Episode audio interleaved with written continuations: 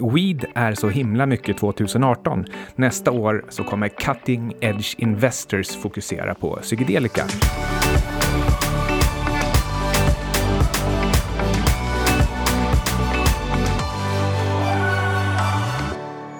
Hej, du lyssnar på Outsiders med Syding och Svan och Alexander Marton.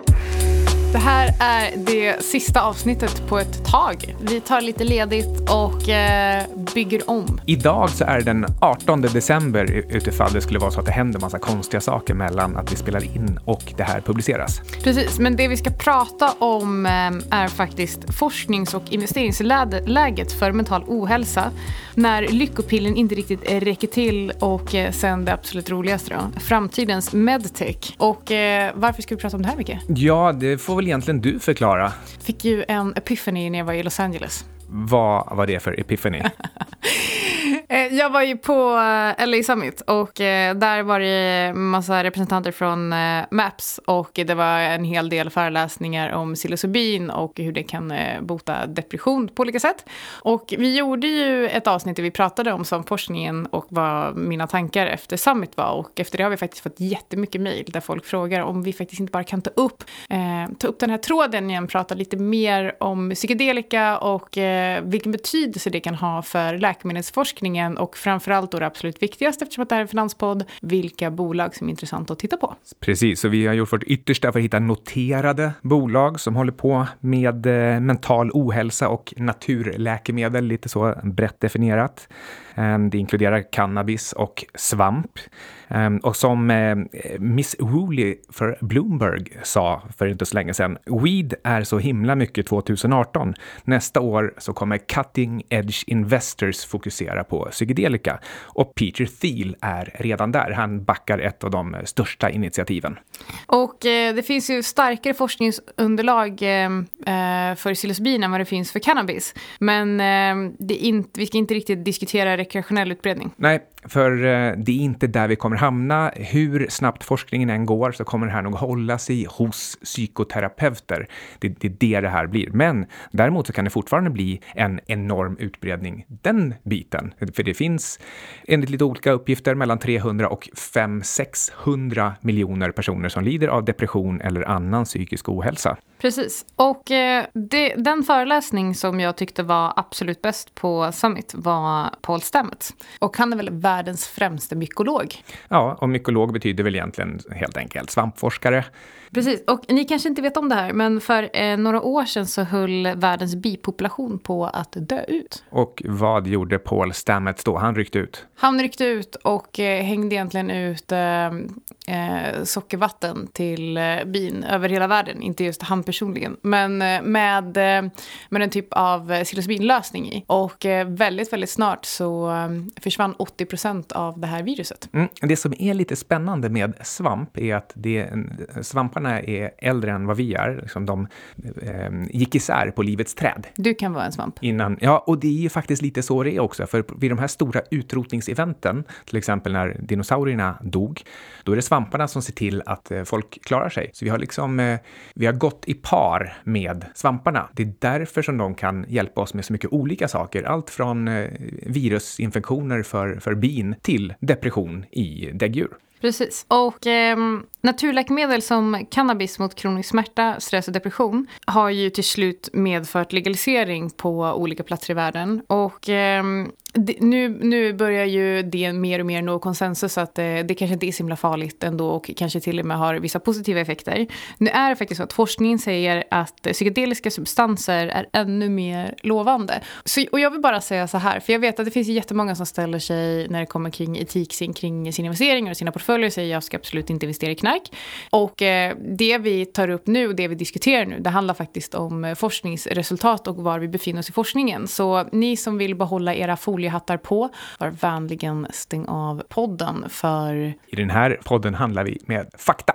Exakt. Vi har börjat göra exempelportföljer hos vår partner Fontobel för att visa hur man kan använda deras produkter som ett komplement till sin portfölj. Ja, det här är alltså hävstångsprodukter och de kan bland annat användas vid eh, tillfällen som när man behöver en kortsiktig hedge eller boost av en befintlig långsiktig position vid en särskild händelse. Det kan också vara före en planerad nyhet eller efter en överreaktion på den nyheten. Ett sätt att använda sådana här produkter, det är till exempel om du vill säkra upp din aktieportfölj. Och eh, det skulle kunna vara genom att eh, göra valutahedgar. Och har du till exempel mest exportberoende och därmed dollarexponerade industriföretag som Atlas Copco, Sandvik eller SKF eh, och tror du att dollarn kanske försvagas, det skulle kunna till exempel vara i samband med ett centralbanksbeslut eller makroekonomisk statistik, så skulle du kunna säkra upp portföljen med instrument som stiger när dollarn faller mot kronan. Sen kan man ju förstås också eh, använda de här för att exponera sig direkt mot en valutatro. Kanske tror du att den här eh, korta trenden med svagare dollar består, eller så tror du att det är dags för den eh, lite mer längre förstärkningstrenden i dollarn att komma tillbaka. Och vi skriver mer om det här i veckans Insiders. Okej, men ska vi gå in på lite bakgrundsinfo innan vi faktiskt eh, kör igång och diskuterar bolag? Eh, världens största problem, Micke, mental ohälsa. När du och jag träffades och, vi, och jag pratade om ångest med dig, vad sa du då? Ja, det slutade i alla fall med att jag frågade min eh, lilla syster. Känner du någon som har haft ångest någon gång? Micke var inte så bevandrad på, inom det området, desto mer bevandrad nu. Ja, sa... Anna har lärt mig allt jag kan om ångest. jag sa faktiskt att Micke skulle lära dig allt du kan om ångest och jag har lyckats tror jag. Tack, tack så mycket. Tack så mycket. Uh, men Healthline nämner 350 miljoner personer bara med depression och uh, Kompass nämner 320 miljoner stycken och 300 miljarder pund per år i kostnad bara i USA och UK. Ja, så vi pratar alltså 4 000 miljarder kronor per år bara i de, pengar. de två, eh, två länderna. Ja, och, och det som ligger bakom att det Vet är vad det är förresten? Va? Det är typ 40 000 miljarder kronor. ja, det är, det är nästan det. Och det är väldigt mycket pengar. Men det som ligger bakom, det är den här evolutionära missanpassningen som, som egentligen finns eh, bakom allting. Våra hjärnor är inte vana vid det här. Det är precis som eh, Anders Hansen säger i sina serier, Din hjärna och Skärmhjärnan och boken Hjärnstark och så vidare, att för bara fem, sex generationer sedan så, så fanns ingenting av det vi är vana vid nu. Bilar, mobiltelefoner, ja, vad, vad, den, vad den har. Och vi är liksom ensamma i en betongdjungel istället för att vi leva i täta grupper i naturen. Och då blir vi tokiga. Och det som är lite intressant är att nu vill vi ju gå tillbaka till eh, ursvampen för att hitta en lösning. Men uh, läkemedelsindustrin saknar incitament. Dels för att det är för dyrt att forska på något som inte går att patentera. Uh, och dessutom kostar kostar det att eh, ta fram säkra resultat, men själva produkten är öppen för alla. Och sen är det ju också som så att i många av de här forskningsresultaten så visar det sig på också att effekterna är permanenta. Ja, alltså det, det kan vara så att du har haft, eh, eh vad heter det, alltså en riktigt långvarig depression eller ångesttillstånd som botas med ett enda tillfälle med eh, ämnet från magisk svamp. Och eh, då funkar det inte om det har kostat flera miljarder att säkra upp att effekterna är sådana och sen kan vem som helst återskapa det här genom bara att plocka svampen ute i naturen. För i Business Economics 101 så säger man att det företag vill ha är repetitiva intäkter och om du släpper ett läkemedel, ett naturläkemedel som du inte kan patentera, där du faktiskt blir frisk i efterhand. Så det finns liksom inget ekonomiskt incitament, vilket är jättetråkigt. Eh, men så är det och det är därför det går långsamt på den fronten. Det är därför det inte finns några lösningar utan man måste vänta på att ideella organisationer eh, fixa det här. Så där vi står nu, det är att alltså, jättemånga är sjuka och eh, det finns massor med eh, dåliga preparat från eh, läkemedelsföretagen. Men få blir av med sina problem, utan de måste istället fortsätta ta de här grejerna.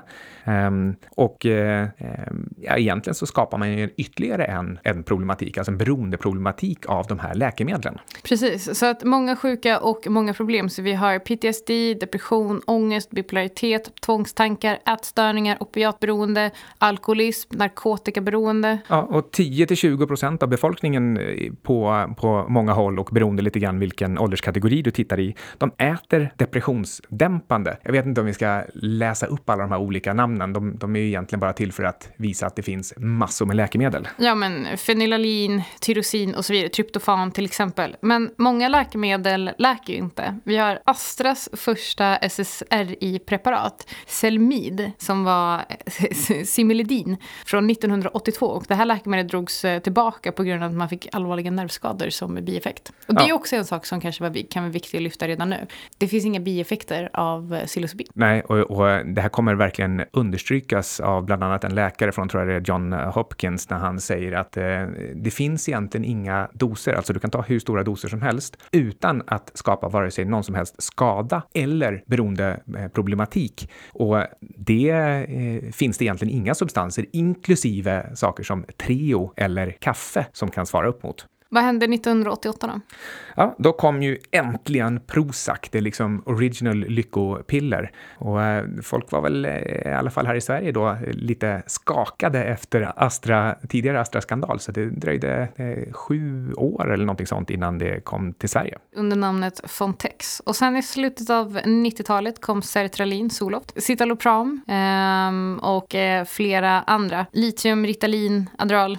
Ritalin och Adral har vi ju hört en hel del om på Twitter från vår favorit-VD, eller ja, han kom väl på andra plats, Elon Musk. Ja, eh, Gud vet vad han egentligen tar, men han verkar vara en pionjär inom området att, eh, att, eh, att försöka bli ehm, depressionsfri. Men problemet med de här läkemedlen är ju att de faktiskt inte hjälper för merparten. De måste fortsätta tas och det var precis det vi sa innan. Business Economics 101. Se till att hitta repetitiva intäkter. Och vad passar då bättre än att ge ett piller som man... Det är, det är också så här att om du slutar äta de här så blir du i många fall ännu sjukare. Eh, så, och dessutom så är det ju så att många fall så inte i många fall. Men det, en av bieffekterna är att eh, läkemedlen i sig leder till ökad depression och självmord. Det är ju också liksom kanske en tråkig bieffekt som eh, vi inte har. Men om vi tittar lite mer på naturläkemedel då, eh, istället för Zoloft och litium och Ritalin och Adderall. Ja, det visar sig att de här klassiska psykedelikerna, som det heter, eh, LSD, psilocybin och meskalin. På vilket träd växer LSD mycket? Det är en svamp som heter ergot, men, men du måste behandla svampen lite grann och slänga dit någon liten eh, kvävegrupp eller någonting för att det faktiskt ska bli just LSD-25. Men räknas, det så, räknas LSD som naturläkemedel? Alltså du kan ju inte plocka svampen och äta bara den. Det, det, är inte LSD eller LSD-25, eh, utan du, måste göra lite grejer med svampen. Så det är lite oklart om du vill kalla det för naturläkemedel eller inte. LSD hör i alla fall till psykedelika och forskning görs på LSD och det finns inte heller några bieffekter med LSD. Mm. Men psilocybin och meskalin, det är liksom lite mer tydligt. Meskalin, det är bara att käka kaktus, du får koncentrera dig lite grann. Medan psilocybin, det är koncentrerat nog i vissa svampar så att du kan faktiskt äta dem rätt upp och ner. Och eh, en lite spännande sak, ett litet sidospår, så spekulerades det en, evolution, en evolutionär teori, är, evolutionsteori kanske man säger, är att eh, de, det som faktiskt gjorde att vi utvecklades till Homo sapiens från apor var att aporna åt eh, svamp med psilocybin och det fick hjärnan att eh, växa. Vad heter den hypotesen? Det vet jag inte. Stoned Ape Hypothesis. Så heter den! Så man tänker sig att eh, de här stenålders, eller inte stenålders, men de tidiga primaterna, de gick runt och förstås åt exakt allt de kom över. Och det finns psilocybinsvamp nästan överallt, så det är klart att de också åt psilocybinsvamp. Och några av dem fick eh, den här liksom extra nervtillväxtimpulsen eh, och dessutom såg eh, spännande lösningar på, på olika problem. Och, eh, och det här ska ha satt fart på alltihop. Så, um, where's your God now? Aha, lite lite eh, kul grejer som, eh, som har hänt på senaste åren. Alltså det är ju faktiskt bara en typ fem, fyra, fem år som man har tillåtit ordentlig eh, forskning på de här substanserna igen efter att de alla blev eh, olagliga eh, tidigt 70-tal. Och 2016, John Hopkins behöver väl ingen eh, närmare presentation, ett av liksom världens främsta forskningsinstitut.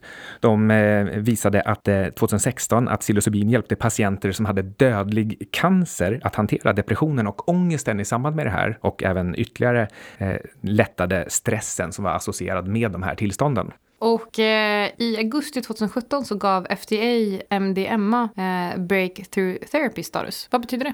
Det betyder att man får en slags ehm, eh, förtur. Det går mycket snabbare att komma fram till att få göra sina, sina kliniska försök och det beror på att man ser att resultaten man får är så säkra, så bra och saknar eh, biverkningar, eh, saknar skadliga biverkningar så att man i princip redan vet att nej, det här kommer ju gå vägen så därför så får ni den här liksom genvägen. Jag läste i anteckningarna nu där du har skrivit en sak och av någon anledning så trodde jag att det var liksom forskningsresultatet och att det var så de hade gjort gjort experimentet. Det, det, det, det är det, alltså det här är ju ett citat jo, från jag, en deltagare. Jo, jag förstår, men Jag läste bara att, jag läste inte de tre första orden, Nej. vilka är It's like doing, utan det som står efter det är Therapy while being hugged by everyone who loves you in a bathtub full of puppies licking your face. Och då tänkte jag, Bra, therapy. bra, bra att efter det på breakthrough status. Mm. Men eftersom de här första tre orden var It's like doing, så är det ju precis lika bra som det du nyss sa. Absolut, jag bara, jag bara what? Men vi kan väl att tillägga det. att folk i den här studien, och det var personer om jag inte minns fel, som hade 17 år med treatment resistant, alltså behandlingsresistent eh, PTSD. Eh, De hade försökt i 17 år med allt möjligt, droger, terapi, liksom. det fanns ingenting som hjälpte dem. Efter det här försöket som pågick i tre månader, så 12 månader efter behandlingarna så var 67 procent botade. Det är ganska häftigt, alltså behöver inte ta mer medicin. I augusti 2018 så gav FDA Compass a breakthrough therapy designation för psilocybin. Men eh, psilocybin eh, känns det inte som att bli eh, kramad av alla som älskar i ett badkar fullt av hundvalpar som slickar ansiktet har jag hört. Nej, jag läste i eh, undersökningarna att det, där är det lite extra viktigt att ha med en eh, terapeut som, eh, som hjälper till att styra undan så kallade bad trips. När jag var och lyssnade på Sam Harris i, på Summit så hade han bara några veckor innan tagit fem gram psilocybin med eh, ögonbindel. Och det var första gången på 25 år. Ja, men han hade inte tagit den typen av dos innan. Men han beskrev det så här. Tänk dig att du i ditt vanliga tillstånd stoppar handen i fickan. Du kanske hittar lite ludd, du kanske hittar ett mynt.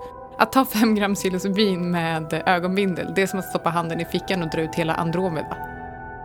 Jag gillar den liknelsen. Ja, istället för ett kvitto. Ja, exakt. Men... På, ehm, på tal om kvitton så eh, är ju en, en kompis till oss som eh, hade den här eh, liknelsen med när man får en stor insikt om någonting. Just på tal om kvitto. Det är som att man håller kvittot på, på sidan och du bara ser kanten och ser ingenting. Och eh, det låter på Sam Harris som att du vrider upp det där kvittot och ser vad det faktiskt står på det. Verkligen. Men jag tänker att vi får speeda på lite så att vi faktiskt kan prata lite dels om Maps, för jag tycker att det är superviktigt, och eh, sen om de bolag som finns tillgängliga. Jajamensan, jag tänkte bara åtminstone få säga att Denver har avkriminaliserat eh, psilocybin och eh, Oakland har också avkriminaliserat alla naturliga psykedelika i, här i somras. Intressant. Det ska inte säga någonting om att flytta dit, men eh, intressant. Jaha, men vill du berätta lite om Maps? För det var väl också, eh, fanns med på eh, Ja. Summit. Verkligen. Och eh, Maps bildades 1986 och det är egentligen förnyad forskning på eh, psykedeliska substanser mot mental ohälsa och alltså inklusive beroendeproblematik. Och den här forskningen gör man på LSD, MDMA, ayahuasca, ibogaine och sen är det också så att utanför Maps så forskas det intensivt på psilocybin vid John Hopkins som vi pratade om och ketamin som, eh, som verkligen inte är ett naturläkemedel och eh, det är en helt annan, eh, helt annan sak som också har vissa bieffekter. Men eh, Och alla de här substanserna, det, är, det som är intressant att förutom att de botar depression, ångest, PTSD, så botar de också substansberoende. Och det kan ju den som är antiknark kanske tycka låter lite konstigt. Det här är ju knark. Ja, men, eh, men nej. men ska vi, ska vi hoppa rakt på de, eh, eh, de bolag som är tillgängliga? Eller har du något mer som du vill fylla i här? Um, ja, men jag hade en liten, liten grej jag ville fylla i. Och det är ehm, när jag då lyssnade på en av de här podcasterna om hur det här fungerar. Och vad det gör är att i vanliga fall så fungerar våra drömmar så att de eh, avdramatiserar känslor. Eh, det skapar ett slags safe space i drömmiljön så att det, det, du kan gå igenom om och om igen, spela upp samma saker som har hänt, så du integrerar gamla läskiga minnen och gör dem ofarliga och visar för dig att eh, det här är inte skadligt. Men ibland så blir det så mycket att drömmarna inte kan hantera det här. Då blir det verkligen PTSD som bara kanske till och med blir värre och värre och värre. Men med psykedeliska substanser, då skapar du en drömmiljö i vaket tillstånd och då kan du under ledning av en terapeut gå runt i den här drömmiljön kan vi säga och på ett låter mysigt. Ja, och på ett säkert sätt eh, hantera och integrera dina minnen. Och när du, när du då kan i medvetet tillstånd se dem om och om igen i ett säkert tillstånd och märker att de är inte farliga, då lär sig din hjärna och din kropp att de inte är det. Och det är genom att just öppna upp sinnet på det här sättet. Och psykedelika betyder öppna psyket. Exakt, för det som händer är att om du tittar på eh, alla synapser som signaler går, mellan, eh, går i hjärnan. En, eh, en person som aldrig har testat psykedelika, då, kan, då har hjärnan bara ett visst antal banor som man kan ta. Och det är också det som händer vid en depression, att eh, du får svårare och svårare att ta dig ur för att de här vägbanorna blir starkare och starkare. Men med psykedelika så öppnar du upp eh, fler delar av hjärnan och du lär dig alltså ta andra vägar som blir mer pleasant för dig som person. Och eh, ju mer du genomgår den här terapin och ju mer du lär dig att tänka eh, på ett annat sätt och, och använda andra typer av signaler så, um, så kommer du faktiskt bli frisk. Och då har det faktiskt inte att göra med att du äter någonting som ska dämpa en känsla utan du öppnar helt enkelt upp. Så det är det som är skillnaden på antidepressiva och psykedelika. Det är som att du har gått eh, vilse i någon knepig stadsdel och sen så plötsligt visar någon här är ju vägen ut, det här är resten av stan. Exakt så. Och eh, ja, investeringar. Här, ja, den här eh, marknaden, vad, vad, är det för marknad vi pratar om egentligen? Ja, en del vill eh, kalla det för en 4,2 trillion dollar, alltså 4 200 miljarder dollar, fast de kallar det då för Global Wellness Market. Så eh, det, det, är lite oklart vad man, ska, vad man ska säga att det här egentligen är. Ja, och eh, det finns egentligen fortfarande inga, inga jättelovande publika investeringsmöjligheter. Eh, många, det finns ganska många bolag som gör det privat, men jag tror att de kommande två åren så kan vi nog se faktiskt, framförallt om vi ser fortsatta framsteg i, inom forskningen och vi får fortsatt godkännande, så tror jag att vi de kommande två åren, om vi, tänk, om vi tittar på hur många cannabis IPOer vi har haft, så vänta bara, nu kommer det på riktigt. Ja, och det här kan verkligen, eh, det kan mycket väl bli större, men man ska heller inte förvänta sig att det är cannabisföretagen som kan ta över det här, för det här är ingenting som du kan sälja i någon butik eller något apotek eller någonting. Är det utan, olika affärsmodeller? Ja, det kommer vara helt och hållet kontrollerat av terapikedjor och även de som tillverkar själva det här, alltså så här growers, folk som odlar svamp skulle möjligen i och för sig kunna eh, vara, vara intressanta här, om du kan notera svampodlare. Vi diskuterade det på Summit. Mm. Kom ni fram till någonting? Att vi skulle vilja börja odla svamp. Ja. okay. Men, men eh, en av de eh, största och intressantaste karaktärerna här, det är en eh, tysk miljardär och nykterist som heter, jag tror han heter Christian Angermeier. Och han vill egentligen investera i MAPS, men MAPS har väldigt, väldigt tydligt sagt att vi är en ideell organisation, vi ska aldrig gå den vägen. Men då, då hittade Angermeier istället då fram till Compass Pathways och där är han tillsammans med Peter Thiel, Peter Thiel och, eh, och gör vad de kan för att eh, kommersialisera eh, kanske framför allt psilocybin. Så uh, vi har alltså det här Compass Pathways. Sen har vi faktiskt noterat, uh, en noterad pennystock som heter The Yield Growth Corp. Ja. De är väldigt små. Vi har nämnt dem förut. De har 21 miljoner dollar i market cap och det är sju gånger sales. Så, uh, ja, och de gör en förlust på 10 miljoner dollar. Så det är liksom, de här är ju ingenstans. Och dessutom, det de egentligen gör än så länge, det är diverse cannabisgrejer. Exakt, men de tittar på psilocybin. Ja, så, så de, de, de är precis i gränslandet landet och gör eh, en, en, ett kaffe där de har Lions Mane svamp i. Och Lions Mane är ett erkänt naturläkemedel som ökar nervtillväxten. Man använder det mot hjärnskador. Och eh, ja, så, så, visst, de kanske har något litet, litet försprång, men det är fortfarande så att de här kommer ju inte heller kunna sälja några psilocybinextrakt. Så, så det, man kan inte liksom, tro att det företaget egentligen kommer, kommer vara inblandat. Nej, absolut, men det är i alla fall eh, något, som, något som existerar på börsen. Men, men så jag... finns det ett, ett, ett privat bolag, det är egentligen där Angemeyer eh, startade tror jag, som heter ATAI och här blir det riktigt bingo nu, för de ska nämligen använda big data och artificiell artificiell intelligens för att hitta nya droger bland psykedelikerna. Det låter trevligt. Och, och de har en, en, värdering på 240 miljoner dollar i den senaste rundan då de tog in 40. Så jag, jag tror att det man ska hålla utkik efter det är när ATAI och Compass, när de noteras och det kan nog vara ändå relativt snart. Men för att sammanfatta det här, för vi hade funderat på om vi skulle bara dra igenom de cannabisbolagen som finns. Men jag tycker att i och med att eh, cannabisbolagen fortfarande är nedförsbacke från legaliseringsbubblan. Så det man kan säga om eh, psykedelika är väl att vi befinner oss i ett spännande forskningsläge och legalisering av MDMA i terapisyfte kanske kommer ske någonstans 2021, 2022. Och att psilocybin kommer några år senare, för det finns ett extremt stort behov av det här. Ja, tyvärr får vi återigen då bara konstatera att det finns finns inga noterade företag med någon signifikant exponering, så det är bara att glömma. Och eh, cannabis som, eh, och de företag som faktiskt också har viss relevans här när det gäller både depression och kronisk smärta och kronisk stress och sånt, de befinner sig, skulle jag säga, fortfarande i nedförsbacke från eh, cannabisbubblan. Jag menar, alla värderas till 10 till 20 gånger sales och gör förlust. Och eh, som avslutande ord så vill vi bara säga att det här handlar ju alltså som sagt om eh, terapi. Det kommer inte att bli lagligt för rekreationellt bruk utan eh, distribueras av terapeuter i samband med terapi. Så som vi var inne på innan, cannabisföretagen kommer inte att få någon del av det här. Nej, så inga, ingen sån spekulation utan man får titta på kanske bolag som eh, nu tillverkar generikaprodukter så kanske det här kan bli en del i portföljen. Eh, det kanske kommer noterade terapikedjor. Jag har inte hittat några liksom sådana specifika terapikedjor, men, men eh, Talkspace har i alla fall 5000 anslutna terapeuter. Det kanske kan vara en, en startpunkt. Och eh, som vi sa innan, vi kör en paus på ett par veckor. Ja, 3 och 10 januari så eh, får du lyssna på repriser istället. Eller på någon annan. Ingenting som du har hört i eh, Outsiders har varit någon typ av eh, rekommendation. Så hur du än gör, försök inte få det till en rekommendation heller. Utan alla placeringar är förknippade med risk som gör att du kan förlora hela eller delar av ditt kapital.